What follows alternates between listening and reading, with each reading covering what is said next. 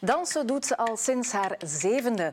Ze was ook al ambassadeur van de Dag van de Dans. En ondertussen is ze al aan haar tweede voorstelling toe onder de vleugels van dansgezelschap Ultima Wes. Dit weekend is er de Brusselse première van What Remains in Bronx. Ik praat in deze à la carte met choreografe Zoe Doemestier. Mogen we nog trots zijn op onze stad? Is Brussel klaar voor de toekomst? Waar blijft die ambitie? Wat zeggen de cijfers? Hoe dan? Bent u dan verantwoordelijk? Is dat nu zo moeilijk? Wat gaat u eraan doen? Bruist Brussel nog? Of kookt het potje stilaan over? Zoe de Moustier, welkom in la carte. Dankjewel. In rechte lijn naar de Brusselse première dit weekend hè, van uh, What Remains. Um, hoe gaat het met jou? Het gaat goed, ja. Um, ik heb er heel veel zin in om de voorstelling te tonen in Brussel. We hebben al een eerste première gehad. Uh, dus het is allemaal een beetje gezakt. In het begin was ik echt, uh, toen de voorstelling net voorbij was, ik, ik zat helemaal vol adrenaline mhm. en uh, het was allemaal heel veel. En nu is het gezakt en nu is het vooral de zin om het te kunnen tonen. Ja, dus het is al een keer goed gegaan en nu heb je vertrouwen gebouwd ja. om die Brussel, Brusselse première aan te gaan. Ja, dat moet wel. Dat vertrouwen geven, ook aan een ploeg. Ik sta mm zelf niet op de scène, dus er zijn tien mensen die dat vertrouwen moeten krijgen om die voorstelling ja, nu te tuurlijk, doen. want als jij het niet ziet zitten, zij misschien ook niet. Want je hebt ouderen en kinderen op het podium samengezet. Um, dat lijkt mij niet zo evident. Nee, uh, dat was inderdaad een uitdaging. Het is nog altijd een uitdaging, want het is niet omdat de voorstelling nu klaar is uh, dat we weten hoe die gaat verder evolueren op de tournee. Um, maar het is echt het allermooiste aan de voorstelling ook. Die verschillende generaties. Er zit 70 jaar tussen de oudste en de jongste. En dat was ook het uitgangspunt van de voorstelling. Om met die verschillende generaties te werken en te kijken van... Hoe gaan zij om met hun herinneringen? En wat als je aan het einde van je leven bent... Wat gebeurt er dan met jouw herinneringen? Wat blijft er van jou over? Daarom heet de voorstelling ook What Remains. En aan wie geef je die herinneringen door of aan wie geef je dat stukje van jouzelf door? En dat is heel mooi om te zien in deze groep dat zij een familie zijn geworden. Ook al komen zij niet uit hetzelfde gezin, toch uh, zijn zij ook als een soort familie die nu dingen aan elkaar doorgeven. Ja, familie op zijne gemaakt. Ja.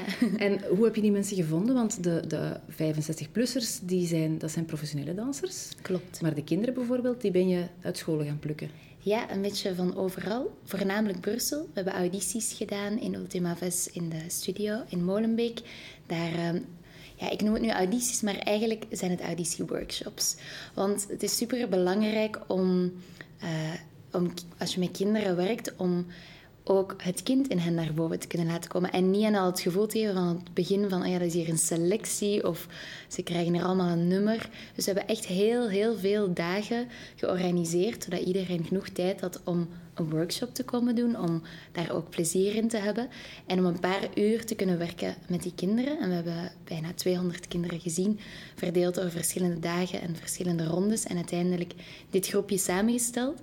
En dat was een ongelooflijk moeilijke opdracht, want je ziet fantastische kinderen. de, ik zou er nog tien voorstellingen mee kunnen maken. Maar als ik dan nu naar de groep kijk, dan denk ik wel, ja, dit, dit hadden ze moeten zijn, dit klopt gewoon. Ja, dus heel dat proces heeft wel zeker wat, wat opgeleverd. Want je bent ook gaan praten op scholen en in woonzorgcentra over uh, ja, rouwen, denk ik, over doodgaan, over wat er aan herinneringen mhm. overblijft of moet overblijven. Hoe was dat om die gesprekken te doen? Ja, dat was heel erg bijzonder. Ik heb die gesprekken ook gedaan omdat um, ik wil met mijn voorstelling verhalen vertellen. In uh, een vorige voorstelling was een heel persoonlijk verhaal, maar nu stond de thematiek op een bepaalde manier ook van ver van mij weg. Um, ik sta niet zelf aan het einde van mijn leven. Ik ben ook niet meer het kind zoals de kinderen die op de scène staan. Nee, zit er een beetje tussenin. Ik zit er echt tussenin, ja. En um, daarmee dacht ik van ja, ik, ik wil met die, die doelgroep gaan praten. Uh, en ik ben dus wel naar school geweest als naar woonzorgcentra. En die gesprekken in scholen waren fantastisch, omdat je merkt inderdaad dat er een groot taboe nog altijd hangt. Rond de dood, rond verlies, rond dementie. Iets waar ik veel mee bezig ben geweest, ook sterk in de voorstelling zit. En eigenlijk kunnen kinderen daar heel mooi over praten. En denk ik, als we vaker met kinderen zouden praten, dat we zelf misschien, of dan spreek ik voor mezelf, ook dat taboe een beetje zouden verliezen. Omdat ze er ook op een hele uh, bijna humoristische manier over praten, ja, zonder het te ze gaan beseffen. er luchtiger mee om of zo. Hè? Ja. Voor hen is dat blijkbaar minder een taboe. Of ze hebben er misschien woorden voor die wij al vergeten zijn. Het was heel mooi. Er was één meisje en die vertelde... ehm, je wordt geboren en dan doe je je ogen open en dan zijn er allemaal mensen die naar je kijken, maar je weet nog niet wie dat zijn en die houden je vast. Maar je weet nog niet dat dat je ouders zijn of je grootouders. En dan langzaam word je groter en dan kan je meer dingen doen. En dan wordt je moeder wordt kleiner en kleiner en kleiner en die krimpt dan. En dan aan het einde van je leven moet, word jij de moeder en ga jij zorgen voor je moeder. Zoals Ja. je moeder voor je heeft gedaan. En dacht ik, ja, dat is het gewoon. Jeetje, zo Ja. straf dat jij dat Ja, gewoon zo kan kijken zeggen. en observeren heel goed. Heel goed. Wat er eigenlijk net aan de hand is. Eh, Wat heeft jou het meest verrast in heel dat proces? Ehm, Of op scène? Ja, dat is een, een goede vraag. Ik heb het gevoel dat ik heel het proces verrast ben, omdat het telkens weer ehm, aanpassen is aan het project en de groep. En dat je ook merkt, hey, die ouderen hebben bijvoorbeeld echt een andere concentratieboog dan die kinderen. Of die, eh, die hebben dan weer soms moeite met dingen onthouden. En dan moeten die kinderen helpen. Dus op de scène zijn er ook een paar momenten in de voorstelling dat je de kinderen ziet fluisteren in het oor van de volwassenen. Nu, ondertussen is het niet meer echt nodig, maar het is ontstaan omdat zij soms even moesten helpen. Ehm, dus Als een souffleur. als een souffleur, Ja. ja. Maar dan hebben we dat ook geïntegreerd, want eh, ja, zo is het ook gewoon en dat hoort erbij. Dus ik denk dat het eh, telkens verrassingen zijn en ook nu in hoe de tournee zal zijn, zal het ook telkens verrassend zijn. Ja, hoe gaan ze dat elke keer reproduceren? Het was Ja. ook doodeng bij de première om hen los te laten en hen het te laten doen. En dat ga ik nu terug voelen in Ja, Brussel. dus elke voorstelling is ook een klein beetje anders altijd. Een klein beetje anders. En echt, ik voel me als een moeder die de kinderen moet Ja, loslaten. dat is ook een beetje zo. Hè? Dat is een Ja, beetje ja. jouw kindje, hè, die voorstelling. een beetje. Ehm, denk je ook zelf anders na? Of denk je daar nu meer over na? Over de dood? Of over ja, wat als ik er ooit niet meer ga zijn? Hmm. Door het maken van die voorstelling? Ja, eigenlijk dacht ik er al heel veel over na. Het is echt een thema waar ik veel mee bezig ben. Met vasthouden, met verliezen, met de dood. Een grote angst voor de dood. Ik denk Ja, omdat-? Ja, ik denk eigenlijk is de dood vaak dichtbij gekomen, maar nooit echt daar geweest. Ehm, mijn vader is oorlogsjournalist. Ja. Heel eh, mijn jeugd was er dat gevaar en toch ook niet echt dat besef. Dat is pas later gekomen. Ehm, Ja, je was ook een kind toen. Dus waarschijnlijk een- had je zoiets van... Ja, papa zit ergens ver weg zijn Ik- werk te doen. ja. En die komt altijd wel terug. Ik ging er wellicht op dezelfde luchtige manier mee om als de kinderen waar ik nu mee spreek. Maar dan daarna voel je dat die angst toch ergens in je zit. En eigenlijk is denk ik het maken van de voorstelling een manier om ook ehm, dat los te laten en die dood ergens een plaats te geven. En misschien het, een bepaalde manier ehm, is het het oefenen in loslaten en verliezen. En Een taal zoeken. een taal zoeken en weten dat als we dat zoveel doen, ook al is het in een repetitie, ook al is het in een voorstelling, dat dat op een bepaalde manier later wel zou kunnen helpen. Wie weet ook voor de mensen die kijken of dat ze daardoor een plek kunnen geven of net door erover te praten. Dat Het is een bij soort van ritueel. Of het is iets ritueels ook, hè, als je het elke keer opnieuw op, op podia brengt. Ja, er is een, een vrouw in de voorstelling die elke keer gaat liggen. En ze zei ook, ja, voor mij is dit een oefening in doodgaan. Ja, het klinkt nu heel heftig, maar het is heel mooi. Ze staat ook altijd weer op. Ze gaat niet dood in de voorstelling. En toch ja, beschrijft ze dat heel mooi en zit daar ook een, soort kracht in en een soort hoop. Het moment, ga ik iets klein verklappen, aan het einde van de voorstelling, als dan de kinderen blijven doorgaan en die ouderen zijn verdwenen, dan voel je, ja, dit is ook hoe het moet zijn. Zij nemen over. Hoe begin je daaraan aan zo'n voorstelling? Hm. Gelijk welke dansvoorstelling? Ga je heel veel praten met mensen? Krijg je een lumineus idee onder de douche? Begint dat met een beweging? Meestal begint het met iets, in dat, met iets dat ik in mijn omgeving zie. En ehm, daardoor zeg ik soms ook wel dat het werk dat ik maak een documentaire kantje heeft. En dat ik verhalen wil vertellen. En mijn ouders zijn journalist, dus daar is het eigenlijk... Daar, eh, hebt het overgenomen, Ja, heb ik het een beetje overgenomen. En ik heb het ook nodig om ehm, iets van buitenaf naar binnen te brengen. Letterlijk iets van buitenaf naar het lichaam te brengen en van daar te vertrekken. Dus vaak begint het met een thema, iets dat mij aangaat. Iets waarvan ik denk, hier wil ik over praten. ehm, of hier zou over gepraat moeten worden. En dan vervolgens ga ik heel veel research doen en gesprekken. En dan neemt altijd het meeste tijd in beslag. En dan vanuit al dat materiaal komt dan uiteindelijk het bewegingsmateriaal. En ik, ik weet nog toen ik verhuisde naar Brussel dat ik ook besefte... Oh wauw, dit is echt een stad die mij dat kan geven. Mhm. Zo, die mij die input kan geven. Ehm, Omdat er heel veel verhalen liggen? omdat er heel veel verhalen liggen, omdat er heel veel mensen samenkomen, vanuit verschillende plekken ook. Ehm, ik vind het een hele sociale stad. Ik heb ehm, vier jaar in Amsterdam gewoond. Daar heb ik gestudeerd voor ik mijn master aan het Rits hier kwam doen. En Amsterdam is een fantastische stad, maar je voelt ergens... Mensen zouden het beschrijven als sociaal, omdat de mensen direct zijn. Maar eh, Brussel is sociaal op een andere manier. Mensen komen echt samen en hebben elkaar ook nodig, omdat ze hier hun thuis zoeken of zo, heb ik het gevoel. En Hier zijn veel thuiszoekers. ja, ja, en ik denk dat in al die mensen die verhalen zitten. En je wordt natuurlijk ook wel veel meer geconfronteerd met een, een, een werkelijkheid die ook niet altijd even. even Ja, ik noem het altijd een beetje de wereld in het klein. Hè? Ja, Je hebt hier alles, hè? de mooie dingen, de, de lelijke dingen, de, de harde dingen. Ehm, maar als je daar niet naast wil gaan kijken, dan, dan zit je in Brussel wel goed. Hè? ja. En dan eh, is het. Dan, dan begrijp ik waarom het bijvoorbeeld de stad van dans is. Ja, het is de hoofdstad van de dans, dat mogen we wel zeggen. Ik denk dat we dat mogen zeggen. Ja, want je droomt zelf van een eigen dansgezelschap ooit. Hoe moet dat Mhm. er dan uitzien? Ehm, ja, ik vind, ik ben nu bij Ultima West gekomen en dat is eh, fantastisch om dat te kunnen doen. En eigenlijk moet ik zeggen dat zij wel heel veel eh, vakjes tikken.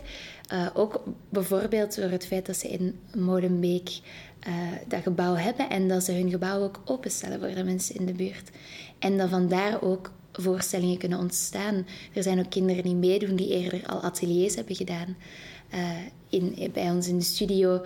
En die zo daar terechtkomen, die misschien niet in eerste instantie hadden gedacht aan danser worden of misschien anders die kans niet hadden gekregen. En net zij hebben zoveel moois in hen. Dus ik denk dat ik ook als ik ooit een gezelschap zou hebben, de mogelijkheid zou willen hebben om met mensen te werken die uit onverwachte hoeken komen, die ook weer een eigen verhaal meebrengen.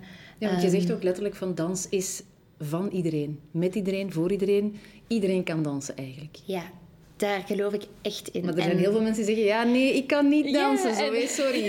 Er zijn- Wat zeg je dan tegen hen? Ehm, ik zeg altijd dat dansen je, doe je op de speciale momenten in je leven. Heel veel rituelen, ehm, zoals bruiloften, maar ook begrafenissen. Maar ook misschien leren je eerste lief kennen op de dansvloer. Eh, we gaan dansen als we, eh, als we ons goed willen voelen, als we uitgaan. En is dat is het. Het is iets bevrijdend, het is iets wat we samen doen, het is iets waardoor we contact maken. En uiteindelijk is het de taal, en het is een cliché, maar het is de taal die we allemaal spreken. Het gaat voor Dat we mij... allemaal een, een lijf hebben. We hebben allemaal een lijf en we lezen dat lijf van elkaar en dat lijf kan heel veel vertellen. En dat is wat ik zo mooi vind. Daar ben ik in geïnteresseerd. Niet de virtuositeit. Het, het kan mij niet schelen of iemand nu drie pirouettes kan draaien of een salto maken. Daar, Ja, want dat is waar heel veel mensen aan denken als ze denken aan dans of een dansvoorstelling. Van ja, dat ziet er allemaal heel chic uit. En dat is heel knap wat die mensen met hun lichaam kunnen. Maar één, ik kan de taal niet lezen.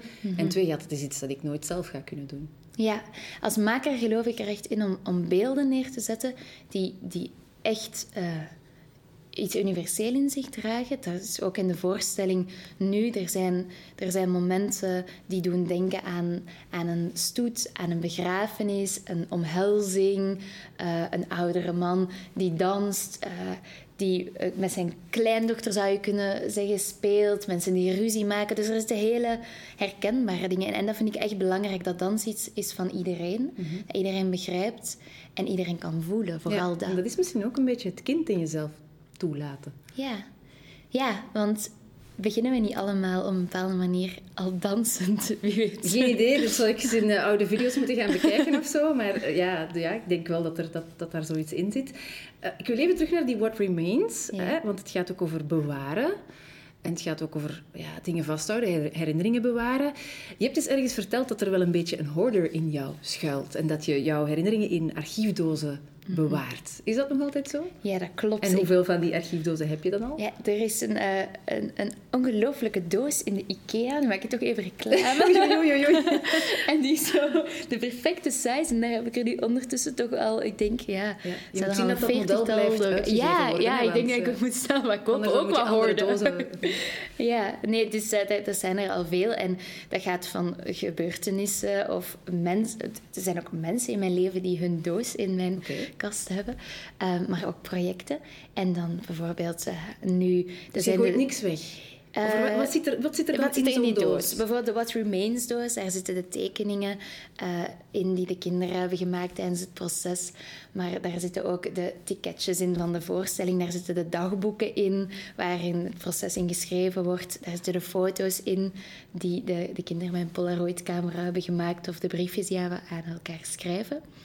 Daar zitten dat soort dingen in die voor mij wel heel waardevol zijn. En als je op reis gaat bijvoorbeeld, dan, dan zitten daar de vliegtuigtickets in? Of, of gaat, het, gaat het zover? Jazeker. Ja? ja, en de papiertjes van de chocolaatjes die we dan kregen bij, ja, bij de voorstelling of zo. Zover gaat Geweldig. het.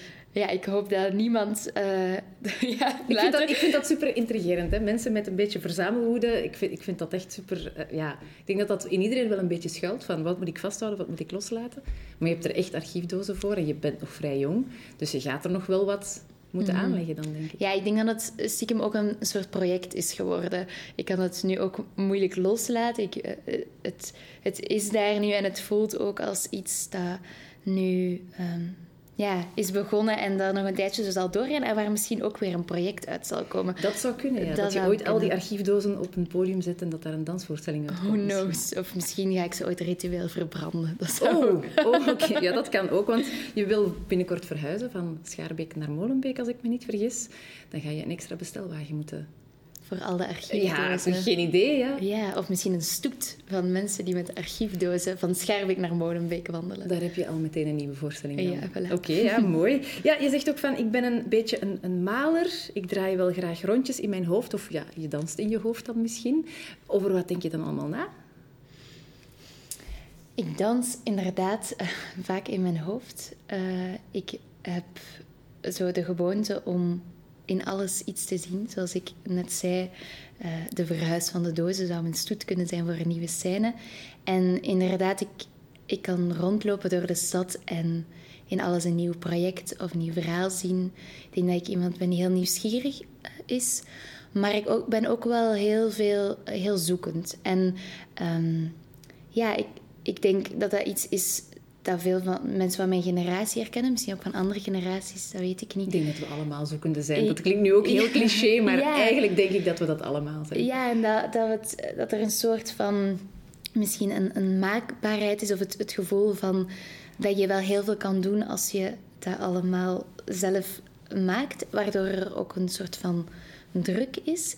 En is dat, dat een gevoel van controle of zo? Ja, dat de keuzes die je maakt heel belangrijk zijn en bepalend, terwijl dat misschien niet altijd zo is. Terwijl je soms ook, als je loslaat, wel terechtkomt waar je moet terechtkomen.